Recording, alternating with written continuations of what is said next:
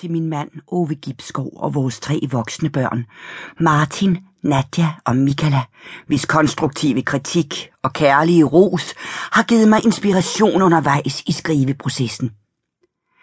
Desuden til Gudmund Auring, der hjalp med at rette fejl og har fundet billedet til forsiden, som er taget af Ole Bryl.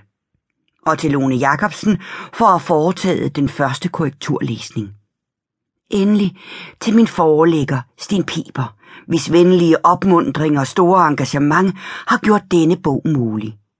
Ulla Brun Romanens personer og hændelser er opdigtet, men inspireret af virkeligheden, set gennem mit helt eget troldspejl. Første del. 1969-70 Navne. Brisen fik vinduer til at klire og gardiner til at flagre. I solstriben dansede støvet, og vibrerende skygger flaksede hen over hvide vægge. Køligheden føltes herlig. Byens lyde var som et frisk pust i en tyst og fjern verden, noget hun at tænke. Så skreg en sporvogn nede fra runddelen, og hun tog sig til det venstre øre. Efter et øjebliks ro raslede den larmende ned ad Nørrebrogade. Hendes anden arm var låst under den lille krop, der sugede sig fast ved brystet. Han var så dejlig, at hun kom til at tude, også fordi det gjorde sig forbandet ondt i brystvorten. Hun mærkede igen, at livmoren snørede sig sammen til en øm knude, og hun blødte kraftigt. Igen havde hun oplevelsen af at være fanget i en proces, hun ikke kunne styre. Jasmin rejste sig tungt fra sengen overfor og lukkede vinduerne. Helena sukkede. Om lidt ville der være 30 grader. Til gengæld slap de for den infernalske støj. Vivian, der sad og ammede i sin seng ved vinduet, sendte hende et smil. Hvad skal din dreng hedde? Helena kom i tanke om deres ugelange navneleje, hvor de skiftes til at finde på umulige, sjove navne.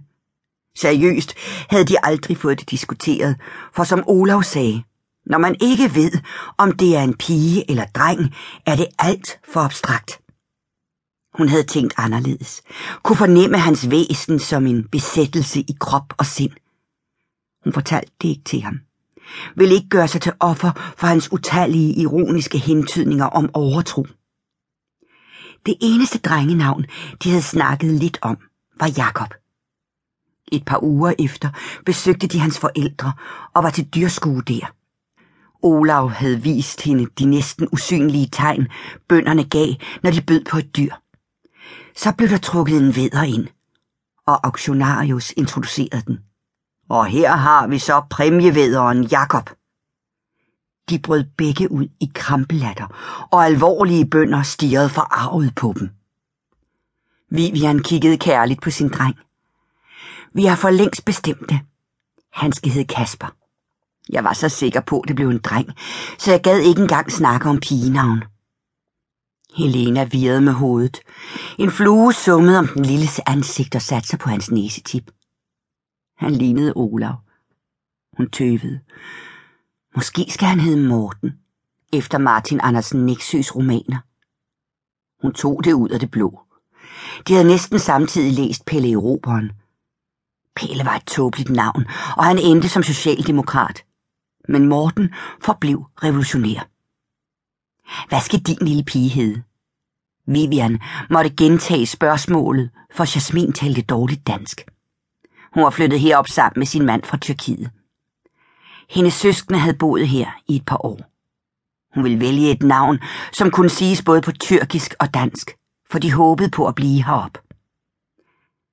Ved besøgstid havde Helena kigget med forundring og en smule misundelse på det leben af voksne og børn, der altid summede om hendes seng. Til hende selv kom barselsgæsterne drypvis, og i går havde hun tudet under dynen halvdelen af besøgstiden, for Olav kom som den eneste og en time for sent. Han undskyldte sig med et møde om marxisme og en punkteret cykel.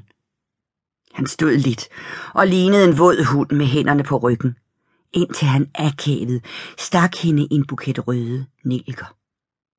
Hun havde tørret øjnene og givet ham et knus.